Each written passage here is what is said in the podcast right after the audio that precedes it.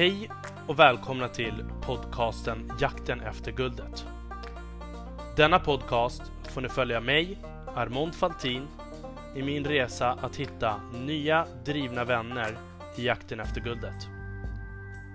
I denna jakt söker jag kunskap, nätverk och relationer. Jag kommer även dela med mig om mina egna tankar kring resan och ta upp aktuella ämnen som dyker upp på vägen. Häng med! Ingenting är omöjligt.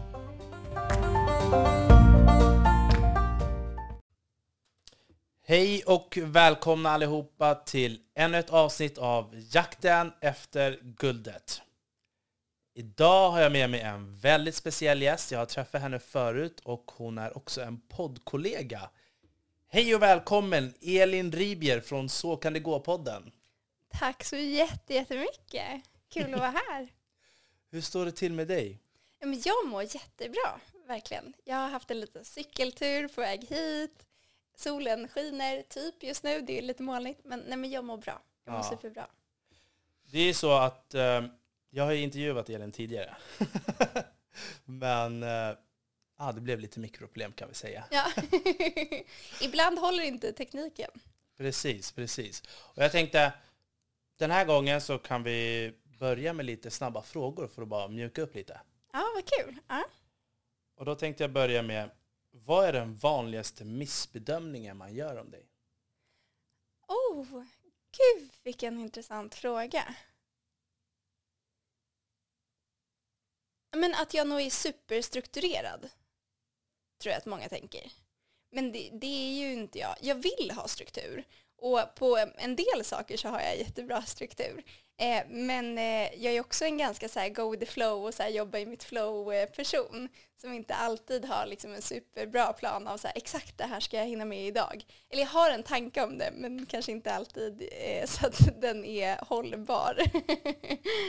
Jag trodde ju verkligen att du var superstrukturerad. mm. Uh, nummer två, hur ser en drömsemester ut för dig? Oh, eh, men den är ju i värmen någonstans. Jag gillar ju att upptäcka nya platser och att den är gärna lite längre så att det finns utrymme både för att bara ligga och släppa vid poolen och så här varva ner några dagar, bara dricka lite goda drinkar och äta god mat. Men också gärna liksom ut i skogen och gå någon vandringsled eller åka till något fint vattenfall eller du vet så här uppleva naturen på olika sätt. Mm. Vart är din favoritplats? Jag älskar att jag måste tänka till på det här.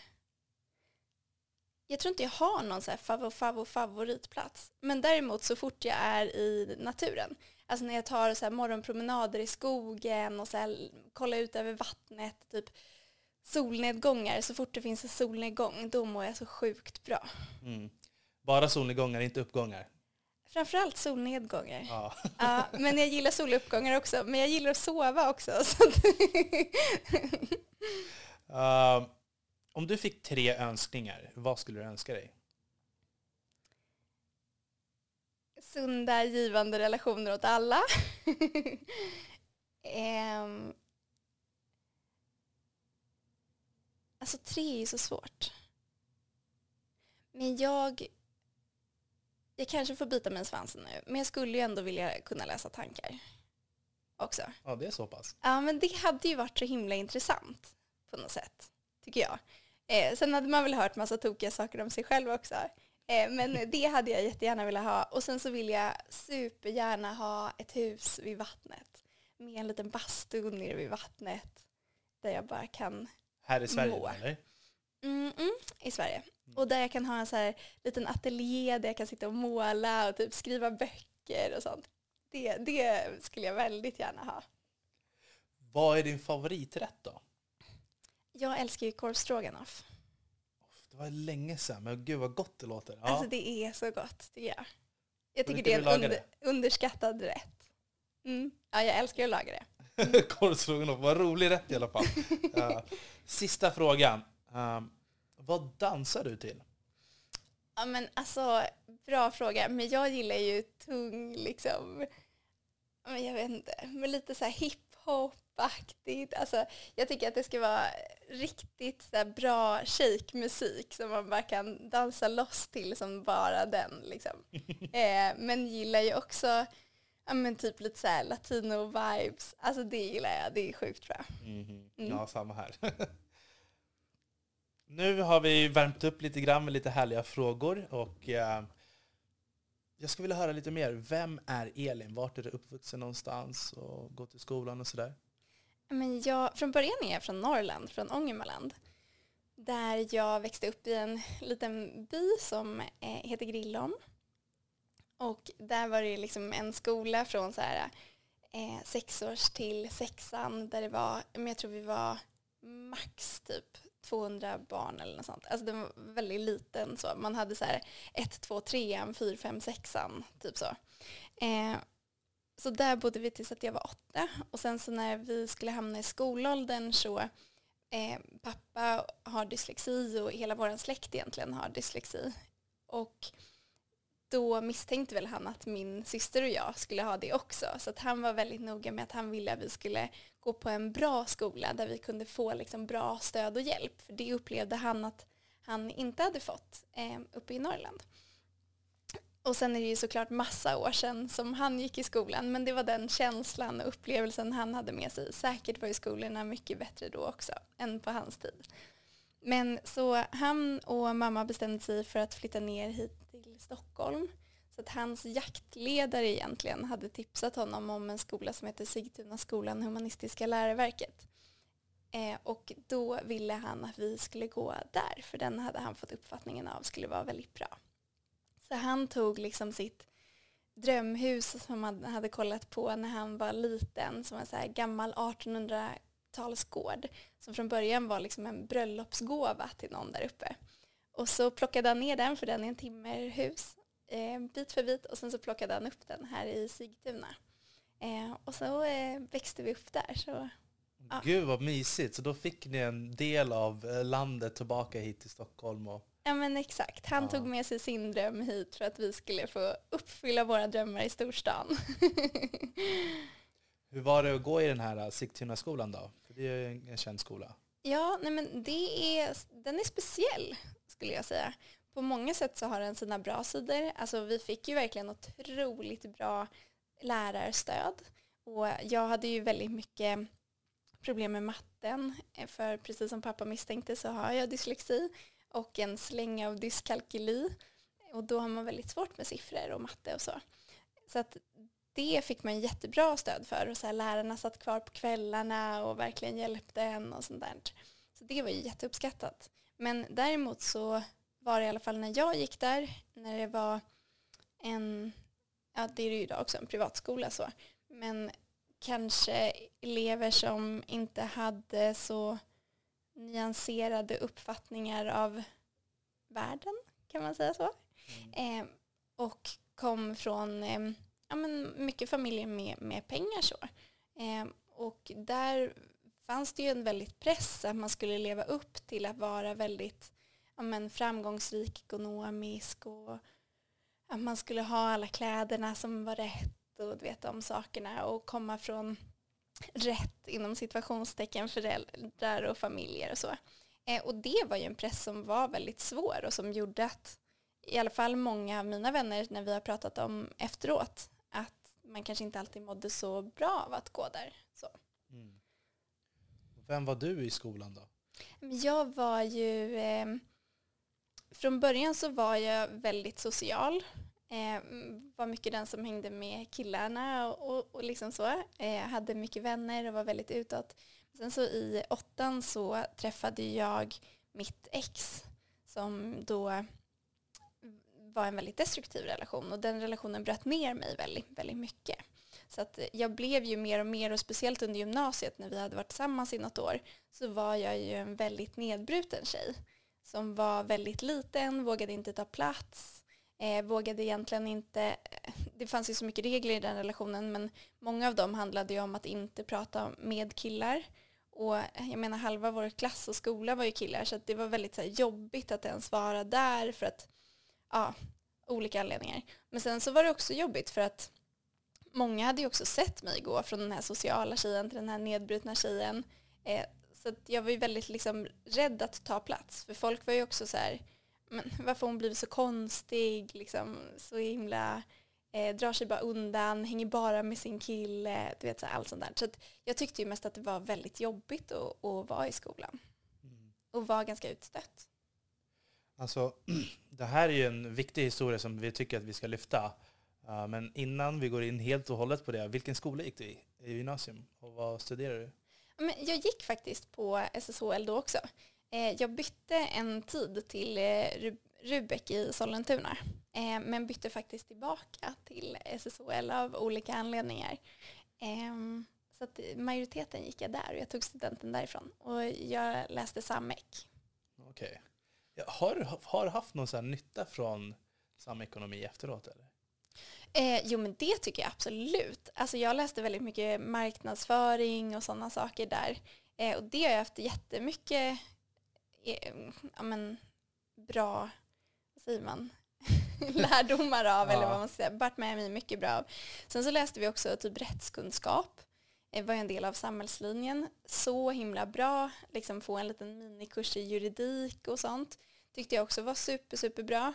Eh, vi läste också Jo, som SAMX så läser man ju också UF-företagande, så man testar ju också på att driva ett eget företag. Och det tyckte jag ju var fantastiskt också, vilket jag drev med mina två bästa kompisar, eh, då eh, Alette och Kristoffer. Och det var ju också otroligt roligt och en erfarenhet jag är jätteglad att jag hade med mig. Och det väckte ju verkligen mitt intresse för just det entreprenöriella. Mm. Så att eh, jag tycker det är en super, superbra utbildning. Så. Ja. Mm. Jag tycker det är kul att du säger det, för att eh, jag har jättemånga kompisar som gick eh, samekonomi. Jag själv gick i SamSam ett tag. Och då, han som har det här kontoret bland annat sa det att eh, det var väldigt mycket typ bokföring och redovisning. Uh, det andra, så här, entreprenöriella, var inte så mycket, men jag kan tänka mig att det är skillnad från skola till skola. Ja, kanske. Jag vet inte. Alltså UF är ju ändå ett, eh, någonting som är utbrett på de flesta skolor. Men kanske man jobbar olika med liksom UF-processen och, och, den biten. Men jag håller med honom i att det var väldigt mycket bokföring och sånt. Mm. Eh, men det var ju nyttigt att ha med sig också. Ja, Även precis. om det var sjukt tråkigt tyckte jag. Mm. ja, vad, vad gjorde du efter skolan då? Hur länge var du tillsammans med den här killen? Fanns det någonting? Ja, alltså jag var ju tillsammans med honom mellan att jag var 14 till att jag var 21. Så det var ju nästan åtta år som vi hängde ihop.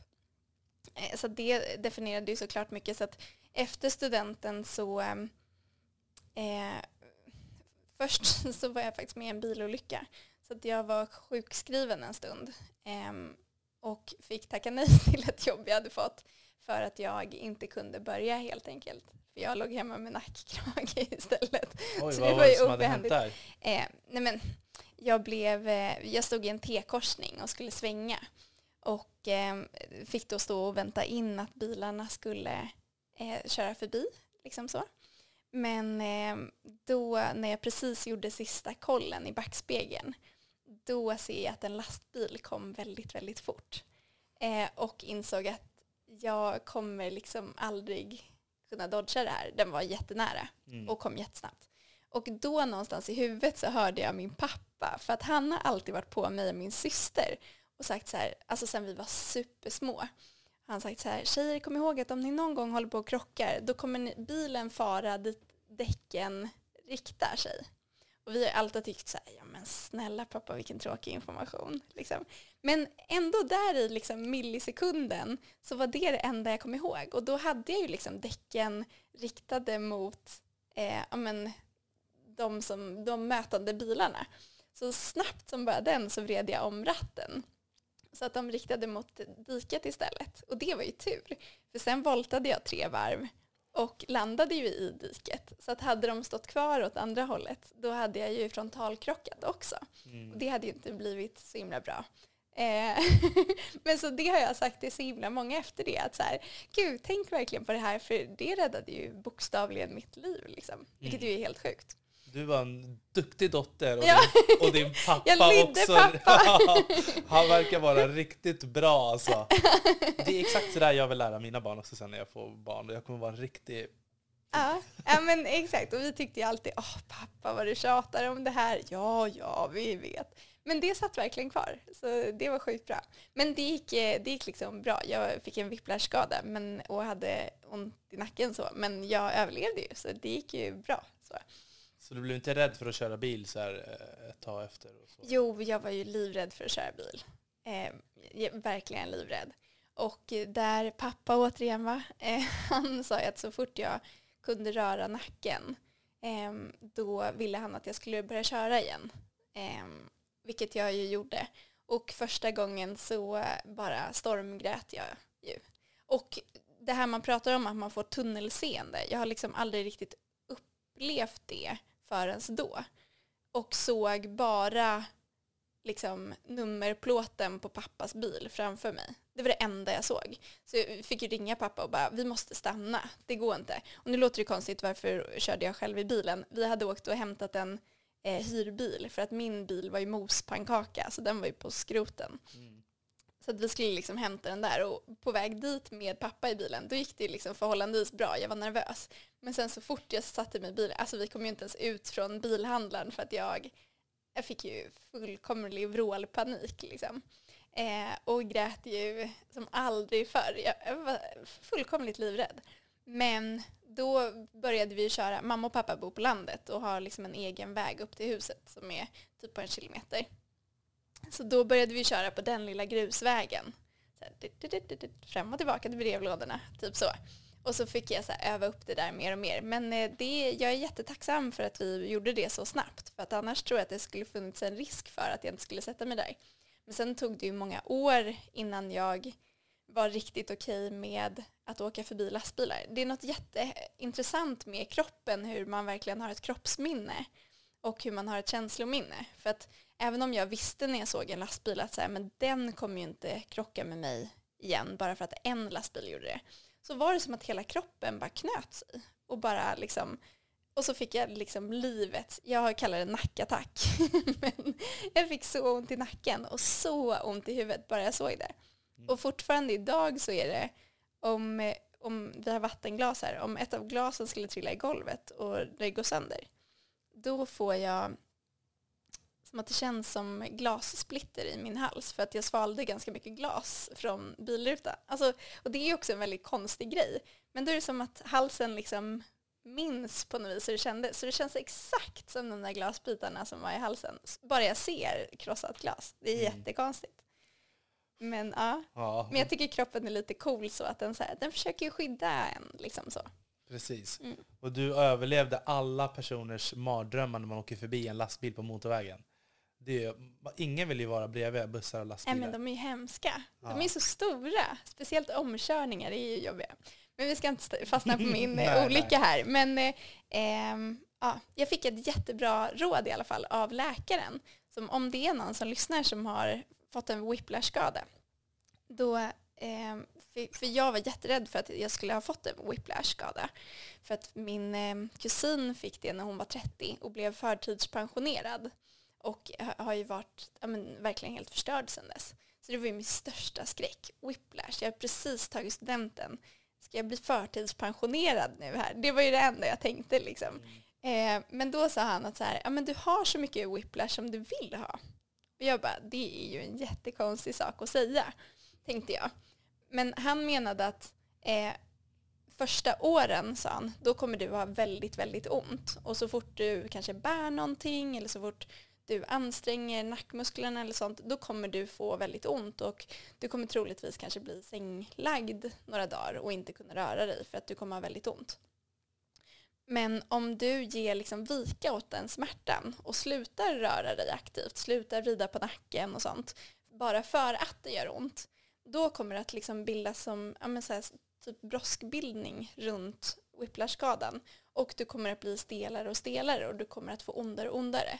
Men om du liksom tillåter dig själv att det gör ont och du kommer bli sängliggandes lite grann och, men försöker att kanske bara ta lite extra Alvedon typ, eh, då kommer det att bli bättre med åren. Och nu får jag aldrig ont. Alltså jag får aldrig ont. Och förut mm. fick jag alltid ont. Det var liksom, jag kunde bara vrida på huvudet typ så fick jag svinont. Eh, och det tycker jag var en häftig grej. Att så här, men nu, eh, jag lydde hans råd och då, då gick det bra. Ja, Mm. Nej, men du är en stark galen tjej. Jag sa ju att du var galen bara för att jag vet allt arbete som ligger bakom podden. Ja. Ja, men eh, vad gjorde du sen? Du berättade att du tackade nej till något jobb på grund av det här. Ja, det var som så här SEO-säljare typ. Eh, och sen så fick jag faktiskt ett jobb på eh, Länsförsäkringar på en så här försäljningsservice. Så skulle jag sälja försäkringar eh, och började att göra det men eh, eh, fick sen säga upp mig för att jag, det här var i den staden där mitt ex bodde och jag eh, flyttade väldigt hastigt hem eh, för att det inte gick att bo kvar där. Och då fick jag säga upp mig där. Eh, och då kom jag hem till mamma och pappa igen och var så här, vad ska jag göra nu liksom? Men då, ja men uppfinna Jocke som jag väl har blivit av min pappa och mamma, så eh, använde jag väldigt mycket freebras just då. En freebra är som en bandlös bh som fäster mot huden med ett speciellt klister. Och jag brukade sola i de här. Så att det jag gjorde då var att jag så här sydde på ett så här snyggt bikinityg och typ så här eh, gjorde min egen design typ och så här. Och så började jag att varumärkesskydda ett namn som skulle heta Santini. Och skulle patentera den här grejen och sådana saker. Och sen så eh, kontaktade jag Fibra och eh, sa att så här, nu har jag tagit fram den här produkten. Så här, jag tänker mig att det ska vara så här och så här. Na, na, na, na, Eh, och då gillade de idén och eh, vart tydligen lite förtjust i mig. Så då började jag att jobba där. Och sen så var jag där i fyra år och jobbade med eh, allt från deras marknadsföring till att packa produkter till att produktutveckla till att eh, ja, men, eh, vara ute hos eh, kunder och på mässor och verkligen allt högt och lågt och brett och vitt. Och det var fantastiska år som jag är jätte, jättetacksam för. Väldigt drivet. Hur, alltså, hur gick processen att bara patentera någonting? Och, Men jag kom inte riktigt i mål med det, utan jag började. Och sen så fick jag jobb där under tiden som jag höll på. Och då, eh, så att jag varumärkesskyddade namnet. Eh, och sen så eh, är det en jätteprocess att patentera en hel produkt. Så, så att den hann vi bara börja med. Och då eh, ville de väldigt gärna att vi skulle i så fall patentera det tillsammans. Men vi hade ju några liksom, eh, problem eller hinder som vi behövde lösa med originalprodukten innan vi skulle kunna göra eh, själva färdiga produkten. Så där höll vi på väldigt mycket med våra fabriker som låg i eh, Kina eh, och egentligen försökte få fram den här. Men vi fick inte riktigt till det så att, eh, den, eh, den blev aldrig till. Så jag har bara grundexet hemma som jag kan titta på ibland. Men Ja. det blev väldigt mycket andra produkter vilket var jättekul. ja, alltså verkligen erfarenhet att få vara med på sån här helhetsresan och lära dig om allting runt omkring. Ehm, jag tänkte, ska vi kolla om det finns någonting mer vi kan prata om? Mm. Så vad hände sen då? Under tiden så läste jag en del kurser på eh, Bergs School of Communication här i Stockholm i kommunikation och PR och marknadskommunikation och så. Eh, för att jag har ju alltid tänkt att jag liksom vill starta ett eget bolag någon gång och jag och min syster har alltid tänkt att det ska vara ett producerande bolag på något vis. Så att dels så läste jag det men sen så blev jag ju så nyfiken på det här med produktion. Jag tycker att det är så intressant. Och också speciellt i den tid vi är i nu med så här, hur producerar vi hållbart så med den konsumtionsmängd som vi har som ju är helt galen liksom. Så då Eh, flyttade jag faktiskt ner till Borås och utbildade mig till textilinköpare och inom produktion just. Och ehm, ja, det var fantastiskt roligt. Man lärde sig ju otroligt mycket. Och det är ju så häftigt med just produktion. För ofta tror jag att vi tror att ja, men dina skor eller kläder eller mina kläder att de är gjorda av liksom en maskin. Men det är ju fortfarande personer som står i varje led och gör allting. Och det tycker jag är så häftigt men också så viktigt att lyfta. Och också när man köper då kläder som kanske är väldigt billiga att reflektera över så här, varenda detalj på det här är gjort av en människa. Har den fått rimligt betalt för det här? Det är någonting som är värt att ha med sig. Men eh, det ledde i alla fall till att jag sen flyttade tillbaka till eh, Stockholm, jobbade lite på J. Lindeberg, eller hade ett internship där. Och sen så andra perioden fick jag ett internship på H&M eh, och som sen också ledde till en anställning där. Där Hur länge hade år. du internship och hur fixade du dina internships? Men på J. Lindeberg var jag i fyra eller fem månader. Kommer inte exakt ihåg. Men jag var ju bara på dem otroligt mycket. Jag hade ju verkligen bestämt mig för att det var där jag ville vara. Ehm, dels att det är ett svenskt märke och dels att de eh, ja, men producerar väldigt fina kvaliteter och, på sina plagg och sådana saker. Så att det, det här ville jag verkligen, verkligen vara. Eh, så jag var egentligen bara på dem. Alltså skickade en så här professionell, snygg anskriv, sökan, välskriven, eh, ringde, hörde av mig, låg på, låg på, låg på, var ute i god tid. Eh, och sen så kom jag till en intervju och då försökte jag bara vara mig själv och, och prata om varför jag vill vara där och varför jag brinner om dem. Jag tror också att det hjälper mycket att ställa frågor om dem. Mm. Eh, var någonting jag gjorde mycket. Eh, och det var väl egentligen samma med rekryteringsprocessen till H&M var ju dock så, det är den maffigaste rekryteringsprocess jag någonsin har varit i. Jag minns att vi var helt chockade efteråt. Det var ju liksom en typ fyra stegs process bara för ett internship. Eh, med liksom flera intervjuer och så stora grejer. Men eh, ja, så jag var överlycklig när jag fick den. Och eh, först så blev jag lite ledsen för jag tror att jag tänkte att jag verkligen, verkligen ville vara på damkläder eftersom att jag har ju liksom damkläder, typ så. eh, men hamnade då på kids. Och jag tänkte så här, men barnkläder, det var ju inte alls vad jag ville göra. Det kändes lite som att någon hade så här dinglat en godispåse framför mig och sen så hade de så här snuvat den från ett litet barn typ. Och jag bara, va? Jaha, okej. Men det är det bästa som kunde ha hänt. Alltså, jag jobbade ju med vuxenkläder på JL, men barnkläder är det roligaste som finns att producera. De är så små och söta och fina och man kan verkligen så här leva sig in i kunden på ett helt annat sätt. Och, ja, och dessutom så är de inte tunga att bära. För när man går där och ska bära hur mycket kläder som helst till ett provrum eller vad det är. Eh, eller provrum, jag ska inte prova dem, men till, till våra olika rum där vi har olika visningar och sånt. Eh, det är så tungt med vuxenkläder, vilket inte är så kompatibelt med min eh, whiplash. Så barnkläder, det är ju liksom så här, man får med sig hur mycket som helst, det är galant.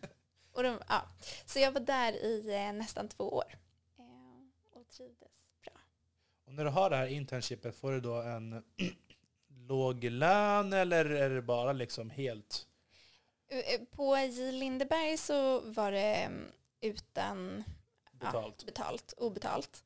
Och sen så på H&M så var det betalt. Ehm, de är ju ett så pass stort bolag och ett så pass internationellt bolag. Eh, så där finns det liksom en annan standard så, eller vad man ska säga. Ehm, så där fick man betalt. Mm. Det är ju liksom inget mycket man får betalt som intern. Men, eh, men det var i alla fall lite grann.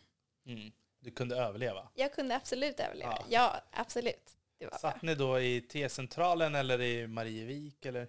Marievik är ju mest IT och så, utan Okej. vi satt vid T-centralen. Och Jag har sett, jag har jobbat där med, som bygg Ja! för många år sedan. Och då var det jättemycket tjejer från överallt. Och sen Ja. har jag eh, i min trapp så har vi så utslussningslägenheter. Där är det väldigt mycket tjejer från H&M. Det är typ någon hm lägenhet där. Och alla jobbar som typ inköpare på H&M. Mm. Ja, men det är så roligt på H&M också för att alla är ju, eller alla, men väldigt många är ju otroligt modeintresserade.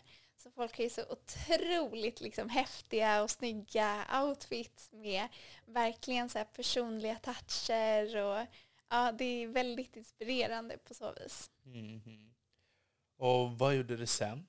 Ja, men sen så startade jag egentligen podden. Eh, så att jag började ju tänka på det för egentligen typ två år sedan eh, nu. Att så här, jag, jag var ju i den här väldigt destruktiva relationen när jag var yngre. Och ägnade, nu är det ungefär fem år sedan så. Och då, ehm, när jag väl kom ur den relationen då var det till följd av att jag började prata om hur, hur det egentligen var. För jag hade upprätthållit en fasad om att det var så mycket bättre än, än vad det faktiskt var till andra. För att han hade ju också de här fantastiskt fina sidorna. Som jag ju, jag trodde ju i någon mån att jag skulle kunna förändra honom till det bättre och få bort de här dåliga sidorna. Eh, men det gick ju inte och det är någonting jag har lärt mig idag att det sällan går. Eller det går inte att förändra någon annan, man måste ju vilja förändras själv. Mm. Men så när jag väl började prata om det, då gick det väldigt snabbt för mig att lämna den relationen. Så att från att jag hade försökt att lämna relationen ungefär i fem år på egen hand så tog det en månad eh, med hjälp av min bästa kompis. Och när jag väl kom ur den relationen då hade jag på något vis ett sånt behov tror jag av att prata om vad jag hade varit med om. Och började ju då att dela med i första hand nära vänner men sen liksom mer och mer öppet om vad jag hade varit med om. För det jag insåg var ju att jag fick så mycket historier tillbaka om människor som jag trodde hade perfekta liv och perfekta relationer. Men där när jag visade mig sårbar och berättade vad jag hade varit med om så fick jag antingen höra hur de hade en otroligt ja men, destruktiv relation till sig själv eller en stark inre kritiker eller familjerelationer som gav väldigt mycket ångest och skuld eller faktiskt partners som var också väldigt destruktiva och ja, men, hur vanligt det var med våld på olika sätt. Eh, och började ju då dels i kombination med att så börja bygga upp mig själv för det var ju en väldigt trasig 21-åring med nedbrutet egenvärde men också med väldigt mycket livsglädje så som jag har ju alltid liksom velat väldigt mycket och är ju i grund och botten väldigt glad och så. Eh, så att jag visste ju att jag behövde lära om och lära upp på nytt och så. För att jag, det hade ju redan liksom tagit mina tonår. Jag fick ju aldrig vara tonåring. Så att jag var inte beredd att det skulle ta mina unga vuxenår heller. Så därför ville ju jag snabbt liksom stärka mig själv och lära om och sånt.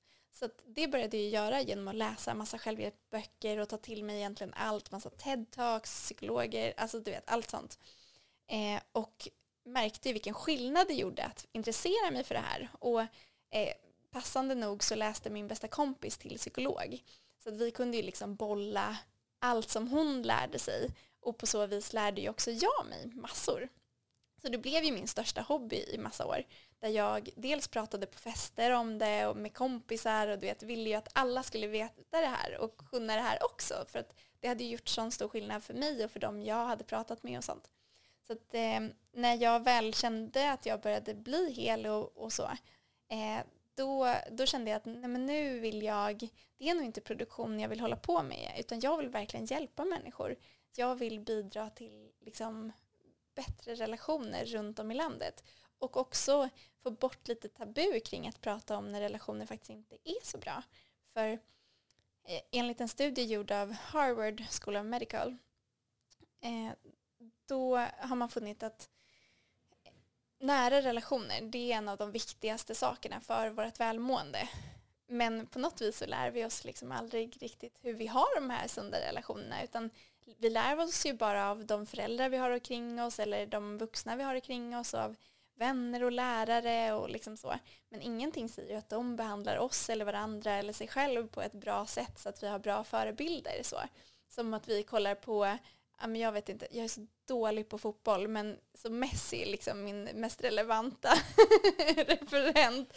Men skulle man gilla fotboll så kollar man ju på fotbollsproffs och så här, åh, ser upp till dem. Men relationsmässigt så har vi ju sällan så här, den har så bra relation, så här, den ser jag verkligen upp till.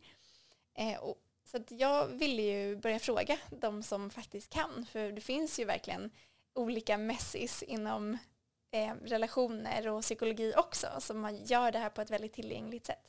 Så det blev egentligen grunden till podden. Att jag ville börja prata om så här, hur har vi relationer på bästa men också värsta sätt. Och tänkte att eh, en podd får det bli, för jag älskar poddar. Jag tycker det är superhärligt att lyssna på poddar.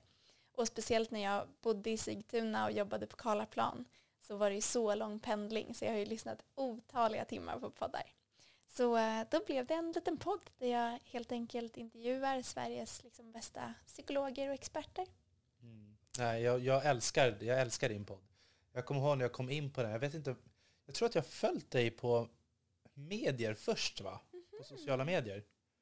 Ja, Ja, det vet du bäst. ja men, nej, men jag tror det. För jag, jag följer alltid alla människor som är i alla rum. Ja, alltså folk okej. som tar plats. Mm. Och du har tagit plats och då såg jag din podd och så tänkte jag jag måste gå in och lyssna på den här. Och så fanns det någonting typ eh, om att bli lämnad efter 30. Just det, ja. Jag vet inte, det fanns ensamhet. Och massa så här bra saker som jag verkligen känner att jag har många vänner som kan relatera till det här. Och jag vill ju verkligen ha dig i podden också för att liksom sprida ditt message och eh, du förklarar på så många bra sätt som du ska få förklara i den här podden också. Verktyg som folk kan använda sig av. Ja, men vad glad jag blir. Jag är superglad att du säger det och det är kul när en uppskattas och när folk liksom hör av sig och säger att den har kunnat hjälpa till och sådana saker. Mm. Så det känns jättefint. Så att eh, det här tror jag verkligen. Har du sett en tv-serie som heter The Americans? Nej, det har jag faktiskt inte gjort. För de Måste är, jag kolla på det här? Jag vet inte, men de är de bästa. Det är ju en sån här relation som jag skulle vilja ha. Ja men gud vad För att fint. de kan kommunicera 100%. Är det så? Ja. På, hur gör de det då?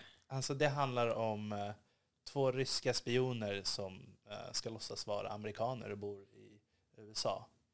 Och så gör de olika saker och de måste vara med andra människor men ändå kommunicerar de med varandra och liksom de ser allting och inte döljer någonting för varandra och ändå har kommunikation och förstår varandra. Det är liksom, de kan ha perspektiv på allt. Gud vad spännande. Det här måste jag kolla på direkt när jag kommer hem. viktigt. Ja. men eh, ja, nu började jag babbla ja iväg men här. gör det gärna. Ja. Var, vad har du för tips och råd som du tycker att man ska tänka på om man vill stärka sig själv? Jag tycker framför allt att man behöver reflektera lite inåt. Jag tror att ofta så springer vi och jagar så himla mycket utåt och vill ha saker materiellt ofta. Men jag tror att vi behöver ta, ge oss själva tiden att faktiskt fundera på vad vi vill fylla livet med som inte är det materiella.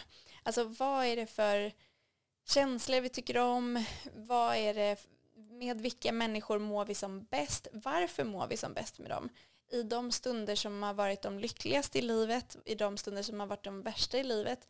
Eh, vad har funnits där? Och framförallt kanske i de lyckliga stunderna, vad har varit närvarande där värderingsmässigt så? Eh, och kanske i olyckliga stunder, vad har varit närvarande där? Men också, vad är det vi har saknat där?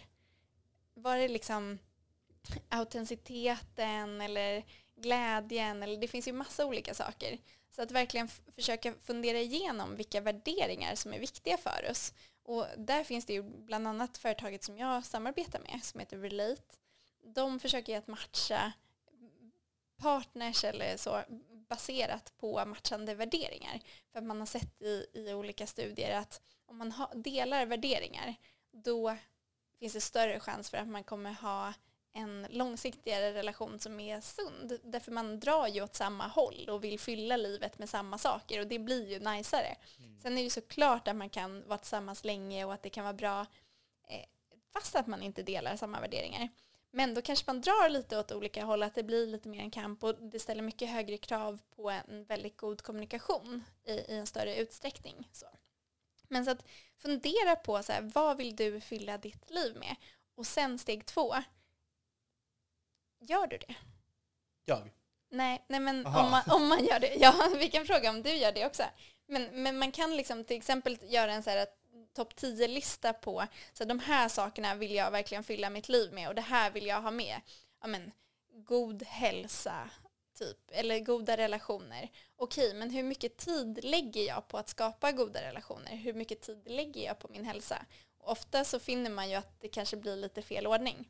Så det tycker jag är en jättebra grej. Men sen så finns det också, om man bara vill liksom stärka sin egen typ självkänsla, då tycker jag att det finns en jättebra metod som Henrik Fexeus faktiskt tipsade om i sitt avsnitt.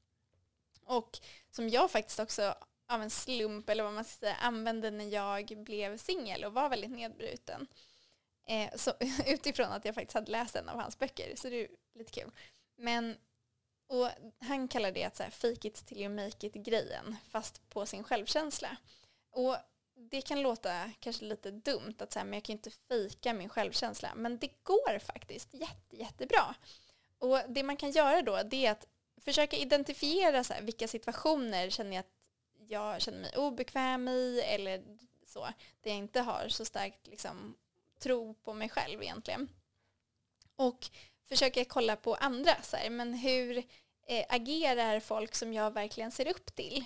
Hur, vad har de för kroppsspråk? Hur gör de med sin blick? Hur, har de liksom höga axlar eller är de väldigt ihopkrummade? Troligtvis så är de mer, mer liksom rakryggad så. Och hur svarar de på frågor? Hur ställer de frågor? Vad ger de för blickar? Alltså allt sånt. Och så sätter man ihop olika egenskaper som andra har som man verkligen tycker om i en typ som en persona, som en låtsasperson. Liksom. Och sen när du hamnar i de situationerna där du känner dig lite otrygg och inte vet hur du ska agera, men kliv in i din persona då. Och så här, hur skulle min superperson agera? Och så bara provar du, lek lite teater och agera så. Och väldigt snabbt kommer man att känna att det där blir en del av sig själv. För att hjärnan blir precis det vi tänker. För den kan inte skilja på om du gör någonting mot mig eller om jag gör någonting mot mig. Till exempel det här med att man ska vara sin bästa vän. Eh, till exempel om jag gör någonting som inte blev så bra, då kanske jag säger så här, åh Elin din sopa, det där blev ju asdåligt, det är klart det blev dåligt, det var ju du som gjorde det, eller någonting så här, dumma tankar. Men hade vi varit bästa kompisar och du hade gjort samma sak, då hade jag ju aldrig bara Aron, fan vad dålig du är. Eh, alltså du vet så här, sånt. Eh, eller Amond, inte Aron.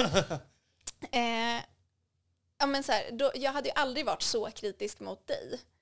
Eh, och, och det där förstår inte riktigt hjärnan. Så att om vi säger det till oss själva eller om någon annan säger det till oss, den tar det som samma sak. Så om vi då kan säga det vi skulle sagt till vår bästa kompis till oss själva också, så kommer hjärnan att den är jättelätt lurad hjärnan. Alltså superlätt lurad. Så man kan lura den till vad man vill. Så lura sig själv att man är glad, att man är grym på något. Hjärnan kommer tro på det och det kommer också bli så. Mm. Ja, jättebra tips alltså. Det enda jag tänker på det är att jag är, jag är expert på att säga så här, Armond din sopa. Mm. Men jag blir taggad på det. Ja. typ. det är sant. ja. nej, nej, men, jättebra tips verkligen. Men eh, du har ju haft en massa andra saker också. Och till exempel de fem kärleksspråken. Just det. Mm. Det är ju en av mina favoritdelar. Och egentligen så är det en teori kan man väl kalla det, som är framtagen av paret Gottman, som är egentligen världens bästa så här, kärleksforskare kan man säga. Eh, de är eh, psykoterapeuter. Och de har studerat mängder av par och sett så här, vad är framgångsfaktorer och vad är mindre bra framgångsfaktorer. Så. Och då har man kommit fram till att så här, det finns ju någon så dissonans i relationer att så här, väldigt ofta så kommer par ner till att så här, men jag gör ju så himla mycket och du gör ingenting liksom. Och så säger den andra, men va, jag gör ju hur mycket som helst. Du gör ingenting. Typ så. Och så blir det en så här, bara en pajkastning så. Men då har det visat sig att vi har olika kärleksspråk helt enkelt. Eh, och det betyder att om jag visar kärlek, för ofta visar man kärlek på det sättet som man själv uppfattar som kärleksfullt. Och det är ofta på det sättet som man själv visar kärlek som man själv vill få kärlek. Men det sättet som jag uppfattar kärleksfullt betyder inte att du uppfattar det som kärleksfullt. Så jag kan ju stå här och ösa kärlek på dig på ett sätt som jag tycker är kärleksfullt och du tycker bara att det är ingenting. Det betyder ingenting för dig. Så därför, det är ju ett ganska dåligt ordspråk det här ordspråket att så här, behandla andra som du själv vill bli behandlad. Det är mycket bättre att behandla andra som de vill bli behandlade. Eh, för då kommer ju kommunikationen gå fram. Så precis som att eh, egentligen företag anpassar sin kommunikation till olika målgrupper så kan ju vi också anpassa vår kommunikation på olika sätt. Och då har man delat upp de här kärleksspråken i fem olika kärleksspråk som vi alla liksom har med oss i någon mån. Men vi värderar dem olika mycket. Nu kanske du vill klippa bort det där, ambulanser. eh, men så den första är gåvor. Och då handlar det om att men kanske jag gillar att verkligen slå in paketen väldigt fint eller jag när jag är på resor då köper jag med mig paket tillbaka, kanske något te eller vad som helst. Så. Eh, och att inför att du fyller år eller bara i vardagen så älskar jag att hitta små presenter som jag tänker är perfekta för dig och på olika sätt. För att det är så jag vill visa min kärlek. Mm. Men också att jag älskar att få presenter. Ofta gillar man ju att få det tillbaka då. Och liksom små gåvor och gester och så. Eh, det andra är tjänster. Och det handlar ju snarare om att så här, ja men okej, eh, älskling du behöver jobba, vet du, jag plockar upp din kemtvätt, eh, eller jag lagar middagen, eller eh, om tjänster låg högt upp på min lista, då kanske du liksom städade undan hemma, för då vet du att så här, då blir jag glad. Sånt. Eh, och där handlar det ju mer om att så här, underlätta livet för den andra, är ju ofta det som tjänster gör. Och då och uppskattar man ofta de sakerna själv också. Och sen så är det kvalitetstid. Och då handlar det inte bara om att så här, hänga massa, det, självklart, men ofta vill man ha liksom, eh, alltså kvalitet är ju ett nyckelbegrepp. Det är inte bara tid utan kvalitetstid. Så att man inte bara sitter i mobilerna utan att man ställer nyfikna frågor, att det finns en närvaro, att det finns en liksom energi i blicken, allt det där. Mm. Eh, och sen så är det fysisk beröring eh, och det är ju inte liksom bara sex så, utan det är snarare typ ja, men en hand på armen, kramar, eh, kanske man gillar att pilla i håret, så här, allt sånt där. Och sen så är det bekräftande ord. Eh, och det är ju, kan ju vara i sms-form eller på små lappar kanske man gillar att lämna eller eh, bara att få det uttryckt till sig väl verbalt. Så dels att så här, åh, jag tycker om dig för det här och det här eller eh, jag uppskattar verkligen vårt umgänge. Alltså allt som är bekräftande ord, det tycker man liksom, det slukar man i sig. Eh, och då ehm, uppskattar vi dem i liksom olika nivåer så att man kan rangordna dem för sig själv och då också berätta för sin partner att så här, men jag uppfattar det här som kärleksfullt när du gör det här och det här och det här. Det tycker jag är kärlek för mig. Eh, och liksom samma tvärtom. Så då kan jag ju istället för att bara visa dig kärlek på det sättet som är kärleksfullt från mitt håll så kan jag ju visa kärlek på ett sätt som du faktiskt uppfattar kärleksfullt. Men det här är ju någonting som är framförallt framtaget till par. Men jag tycker ju att man ska prata med sina vänner om det här också. Eh, så att, för att jag menar alla som vi älskar kommer ju på något vis att uppskatta det här i olika mån också. Som mina bästa kompisar, de vet ju att när de vill göra mig riktigt glad, ja men då skriver de ett riktigt fint sms till mig och jag blir så, så glad liksom. Och det är fint, då vet vi ju hur vi ska göra varandra glada. Så. Mm. Mm. Vad är dina kärleksspråk? Jag har ju verkligen tänkt på det här, speciellt när vi har pratat tidigare också om det här. Det är så svårt. Alltså jag tycker, på ett sätt så tycker jag att allting det du säger låter så himla självklart. Varför ska man inte kunna göra allting? Och jag som bor själv, ja, men jag städar, jag tvättar, jag gör ju allting. Varför ska jag sluta göra det när jag får en partner? Alltså det, det blir så här. Jag tycker att allting låter som att om man inte gör allt det där så låter det väl konstigt. Alltså. Och så här kan du ja jag vet inte. Jag vet inte faktiskt. Det, är så himla svårt. Vilka är dina? Men jag tycker ju verkligen om bekräftande ord. Det, det är min liksom högsta upp. Sen så är kvalitetstid väldigt högt upp för mig också. Ehm, och sen så har jag nog egentligen typ gåvor och tjänster står ganska likt för mig. Och sen fysisk beröring. Fast jag älskar också fysisk beröring. Jag är väldigt när, närgången så Mm. med dem jag tycker om. Eh, så jag, eh, jag uppskattar också alla. Men den som sticker ut för mig är verkligen bekräftande ord. Mm. Det, det är en jätteviktig grej för mig. För det här med, ja. Ja, men sen skulle jag nog faktiskt, jag, jag tror att jag ljög nu. Jag tror att det är bekräftande ord och sen fysisk eh, beröring och sen kvalitetstid och sen tjänster och gåvor eh, där på fjärde plats. Mm. Men, men det är ju som du säger, man vill ju ofta ha en balans liksom i det. Men, men det är ju också olika sådär. Alltså till exempel för min, min partner, för honom betyder bekräftande ord ingenting. Liksom. Mm. Eh, det, han har jättesvårt att ta det till sig. Men däremot det är liksom tjänster och presenter speciellt. Eh, det är någonting som gör honom jätte, jätteglad. Liksom, så.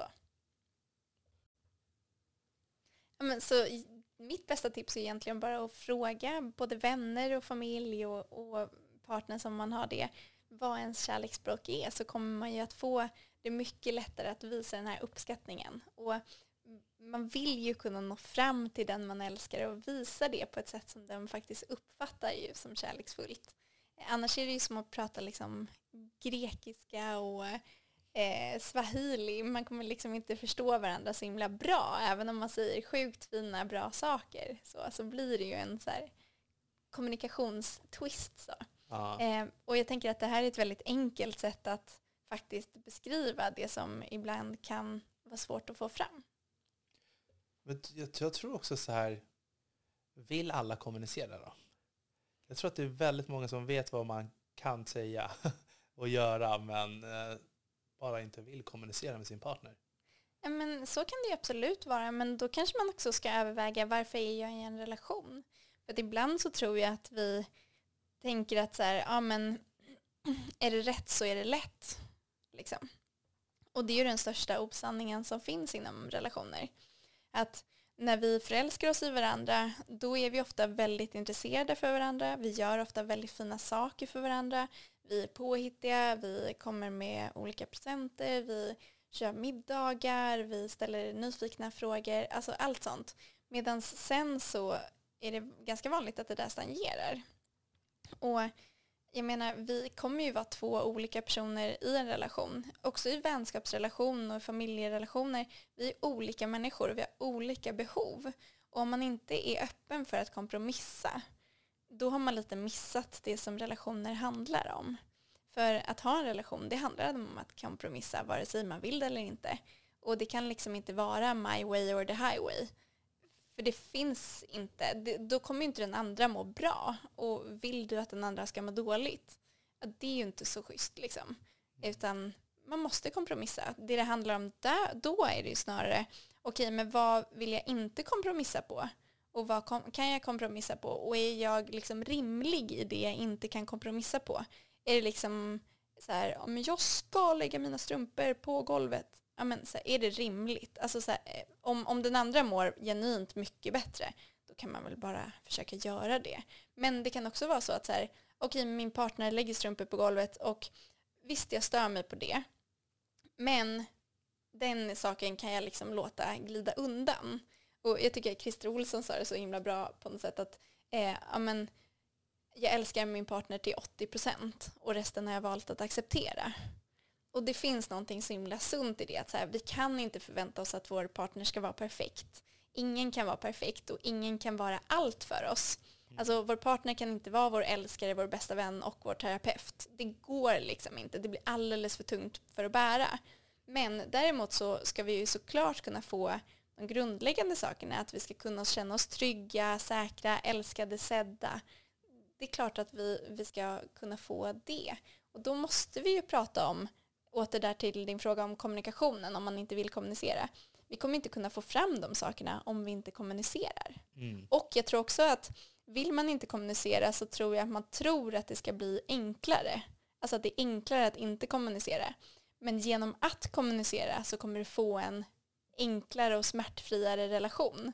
Därför att det kommer ju inte vara lika många kanter som stöter sig Därför att ni vet hur ni ska förhålla er till varandra. Så är man mån om att ha en enkel och bekväm vardag med sin partner, då är ju verkligen kommunikation nyckeln. Mm. Vad tror du är de sämsta kvaliteterna? Varför gör folk slut eller när mår de som mest sämst? I just relation till någon annan? Mm. Eh, ja, men det är en jättebra fråga. Men jag tror ju att det är så tråkigt att säga, men där kommunikationen brister och, och där man inte är bra på att lösa fighter så. Eh, John Gottman kunde ju liksom till, de gjorde en studie som på, jag kommer inte ihåg hur många par det var, eh, men det var jättemånga par som man följde över en längre tid. Och där eh, försökte man då att identifiera vad som gjorde att vissa par höll eh, gifta i över sex år och fortfarande var, fortsatte vara lyckliga, fortsatte må bra och vilka par som gick skilda vägar. Och där så fann man en sak, eh, snudd på två saker, som var liksom det som stack ut. Men det mest utstickande, det var ens förmåga att svara an på eh, bids, kallar man det på engelska. Men eh, tappar svenska ordet bara för det. Bids. Nu, vi har ju sagt det här förut någonting. Inviter. Bekräftelse eller någonting. Ja, ja, inviter, bekräftelse är det liksom.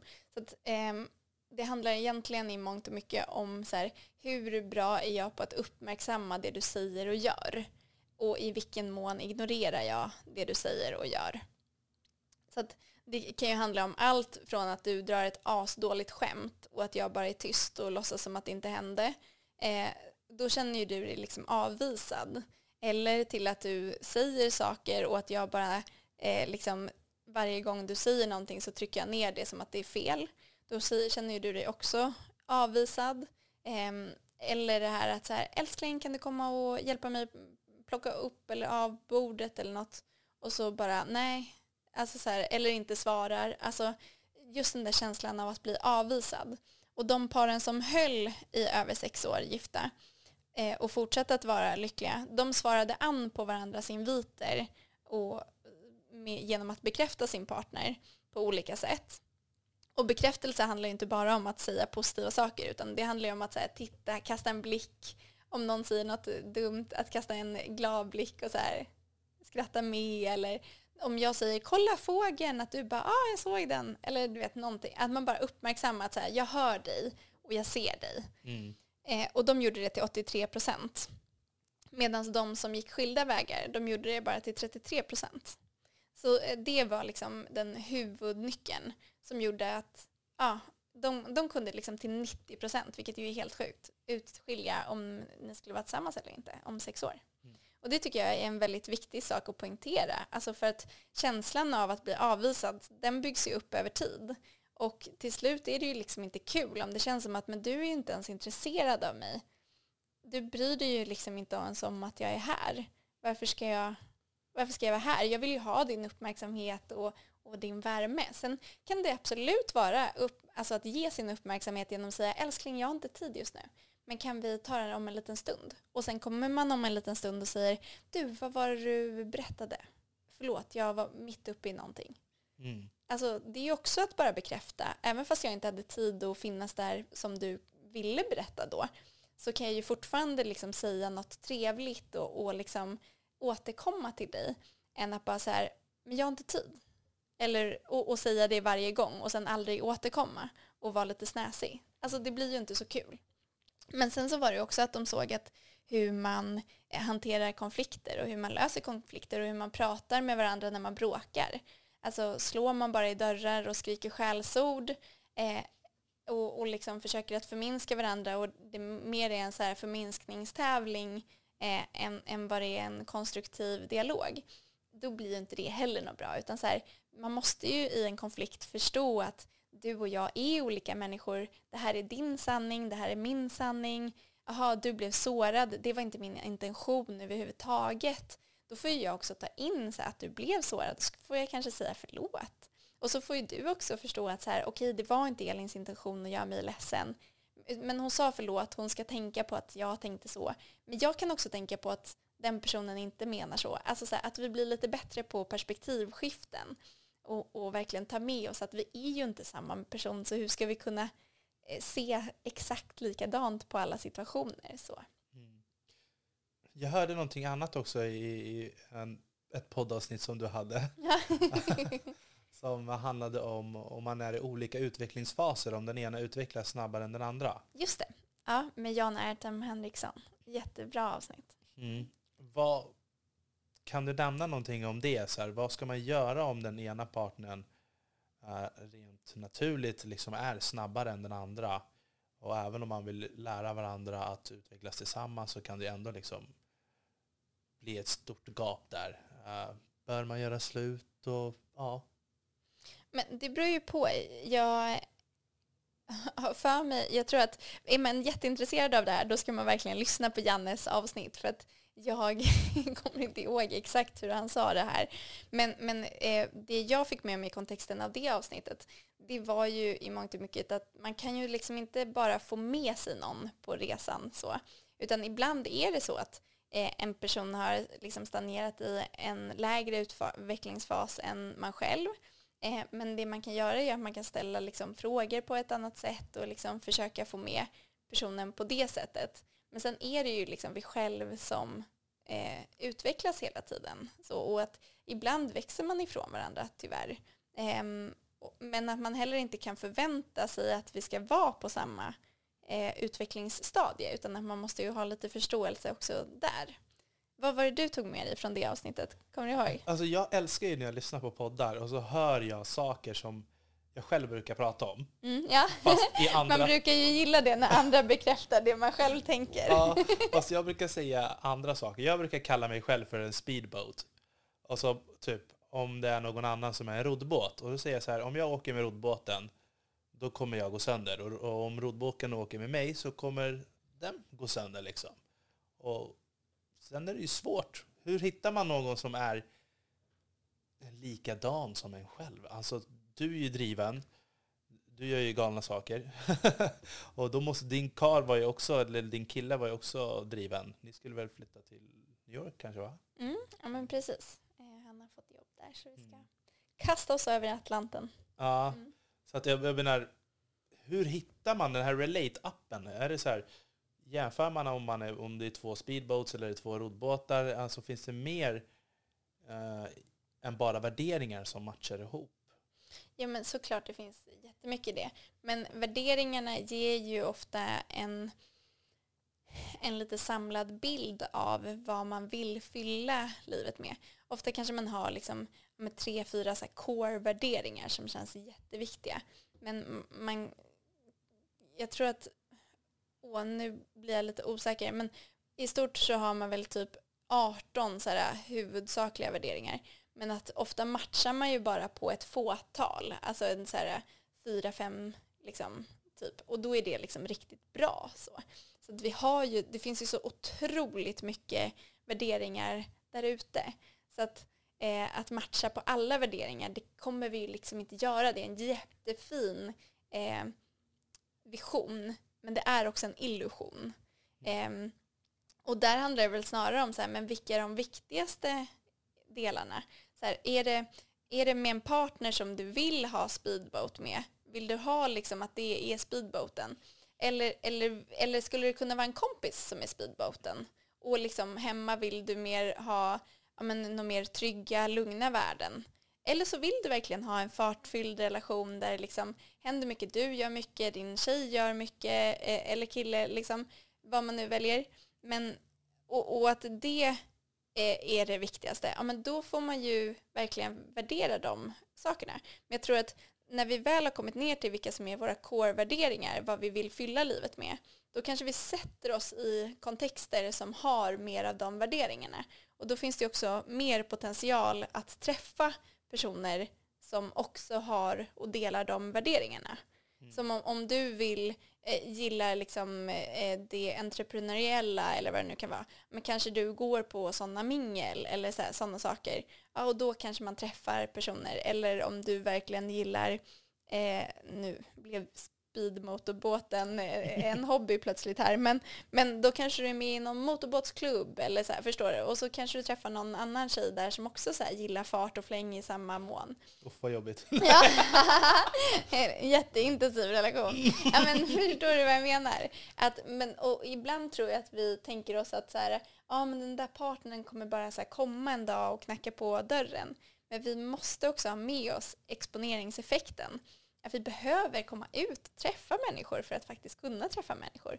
Där är det ju både för att träffa vänskapsrelationer men också potentiella partners. Att så här, men vad är det för typ av människor som jag vill fylla mitt liv med? Okej, vart rör de sig? Vart tänker jag mig att de hänger? Kan jag också hänga där? Eh, Och, och på så vis liksom ge sig själv ens möjligheten att träffa dem. För att vad är oddsen på att vi ska liksom swipa fram dem på Tinder? Liksom? Det, där går vi bara på utseende. Och där tycker jag att Relate då blir starkare. Att där har vi ju i alla fall att vi har matchats på några värderingar eh, och inte bara på så här looks. Så. Mm, mm. Ja, det är jättesvårt alltså, verkligen. Uh, jag har, kan inte ens tänka mig själv att ha en relation nu. jag är absolut inte redo.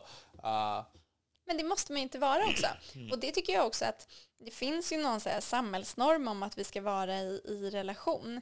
Men det behöver man ju inte vara. Alltså absolut inte. Om man trivs själv eh, just nu eller hela livet, kör på. Alltså herregud, vill man ha barn eller vill man inte ha barn bara för att normen är att man ska skaffa barn. Jag tycker verkligen inte att alla ska göra det. Utan det ska man ju göra om man själv vill ha barn. Så om man börjar fundera i liksom barntermer eller i partnertermer, ja men okej, varför vill jag ha en partner? Varför vill jag ha barn? Mm. Är det för att normen säger det eller är det för att jag längtar efter någonting? Och vad är det i så fall jag längtar efter? Vad är det jag vill dela med den här personen? Och om man just nu känner att men jag är inte redo för en partner, jag känner att jag trivs jättebra med mig själv och har massa saker jag vill upptäcka på egen hand. Men bra, kör det då. Eh, så jag tror att vi, vi behöver utgå mer från vad vi själva vill ha och behöver än från vad som förväntar oss. Och mm. det är ju såklart jättesvårt.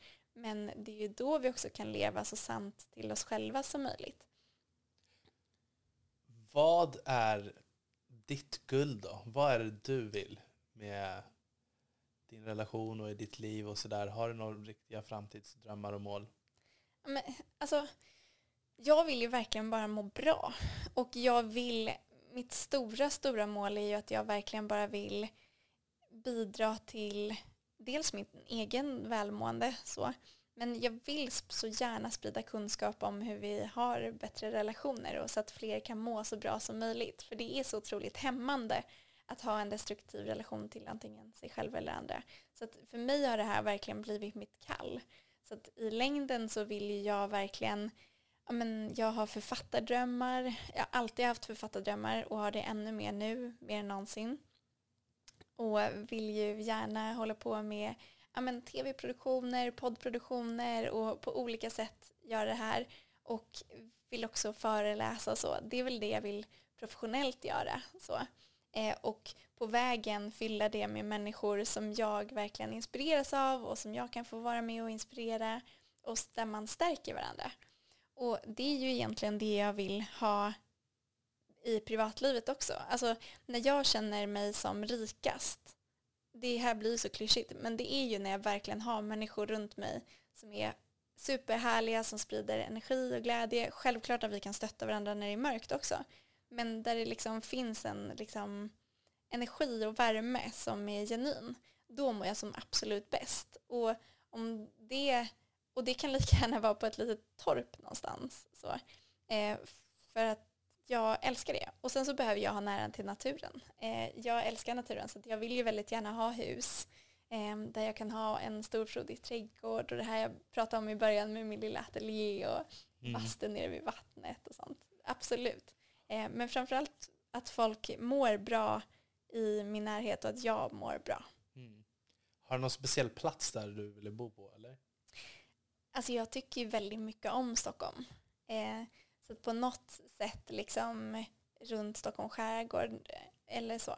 Nu var jag i helgen i Dalarö. Jag har inte varit där förut. Det var ju otroligt vackert och verkligen den typ av sekelskiftshus som jag tycker är otroligt fina. Så, så jag hade jättegärna bott på något vis så.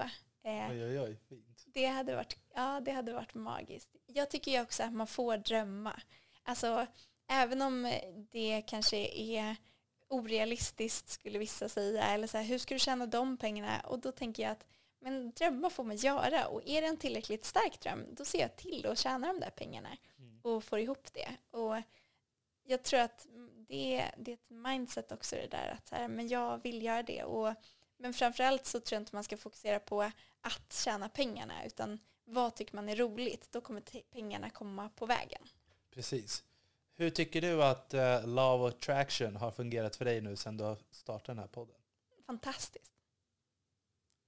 Men jag tror att det handlar om att det man lägger sitt fokus på, det är också det man kommer att tänka mer på. Det är ju då sådana liksom idéer man kommer att forma, eh, sådana människor man kommer söka upp, eh, sådana liksom sammanhang man kommer söka sig till.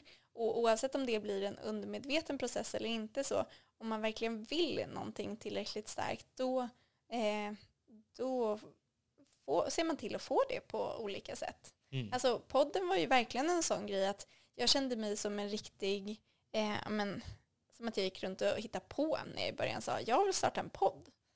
Och alla bara yeah, right. Typ.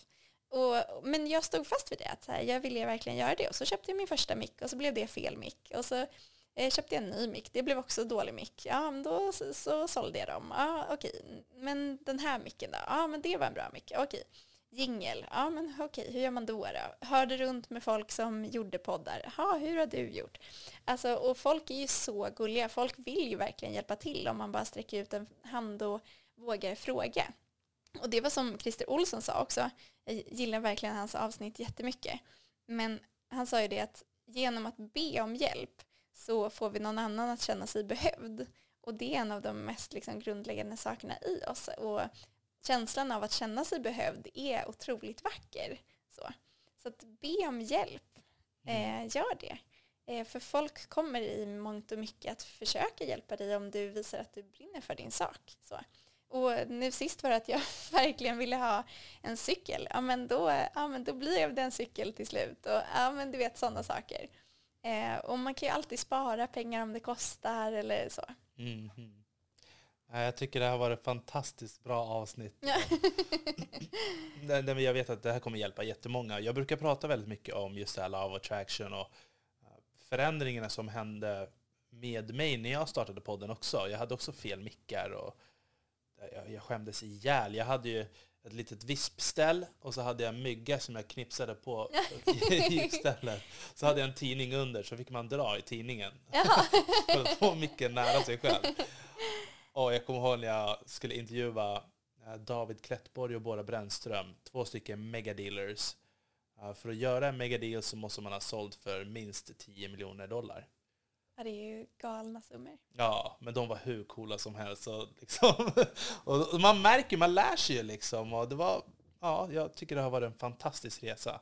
Och jag, nu har jag, man kontaktar ju människor och så som du säger, folk vill ju ofta vara med.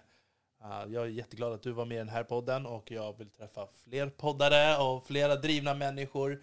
Och jag tycker det är bra att jag får dela din story från ett annat håll faktiskt. Ja men tack för att jag fick vara med och göra det också.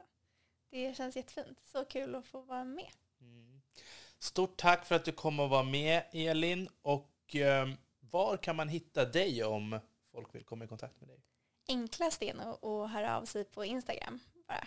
Eh, det heter Så kan det gå-podden, eller Så kan det gå-podden fast med A istället för Å. Eh, men man kan ju också gå in på min hemsida, eh, såkandegå.se. Där hittar man ju liksom mejladresser och kontaktforum och sånt. Eh, så det finns massa olika sätt. Mm. Stort tack för att du kom och deltog i podden. Och eh, till er andra där ute, jakten efter guld mina vänner. Vi hörs igen nästa vecka med vänliga hälsningar Armon Falti.